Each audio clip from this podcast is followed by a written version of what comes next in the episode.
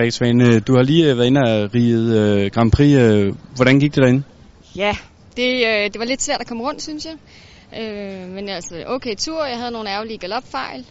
Og, og den endelige score, hvordan er du tilfreds med den? Og den skulle have været lidt højere, ikke? Altså, man mister jo rigtig, rigtig mange point. Det er en dobbelt karakter etterne, der går i stykker. Og det er, det er ærgerligt, for det er sådan noget, vi måske ikke rigtig træner så meget, fordi den kan det bare, og så er det rigtig typisk, at det så er derinde, at det kikser. Det helt store mål for jer er jo øh, OL-kvalifikation for, for holdet. Øh, hvordan er stemningen generelt på holdet i forhold til at, at klare det her OL-krav? Vi kæmper for det, ikke? Altså, det skal, det skal vi skulle igennem.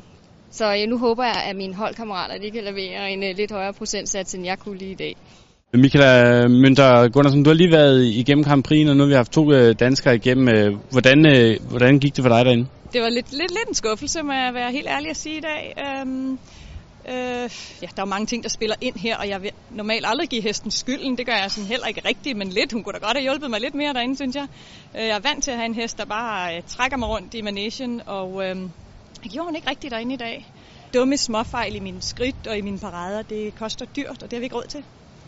Nej, det er jo netop det, øh, fordi at, øh, nu har vi haft to øh, danskere igennem, og ja, ja, ingen af jer har været, været helt tilfredse endnu.